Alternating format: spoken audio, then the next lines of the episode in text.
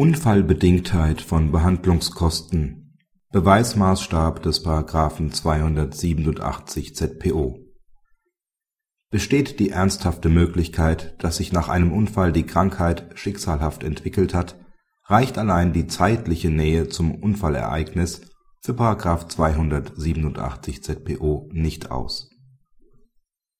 Die volle Haftung des Beklagten aus dem Verkehrsunfall stand außer Streit Uneinigkeit herrschte darüber, ob die eingeklagten Behandlungskosten unfallbedingt angefallen sind.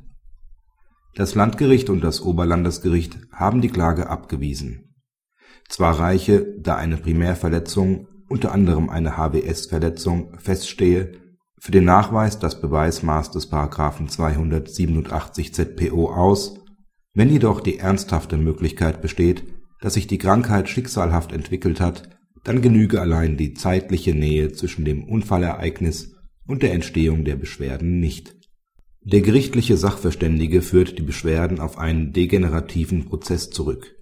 Nach diesem Gutachten besteht zumindest die ernsthafte Möglichkeit, dass sich die Krankheit schicksalhaft entwickelt hat.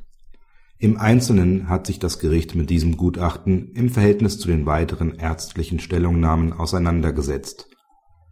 Der Kläger war damit auch nach § 287 ZPO beweisfällig geblieben.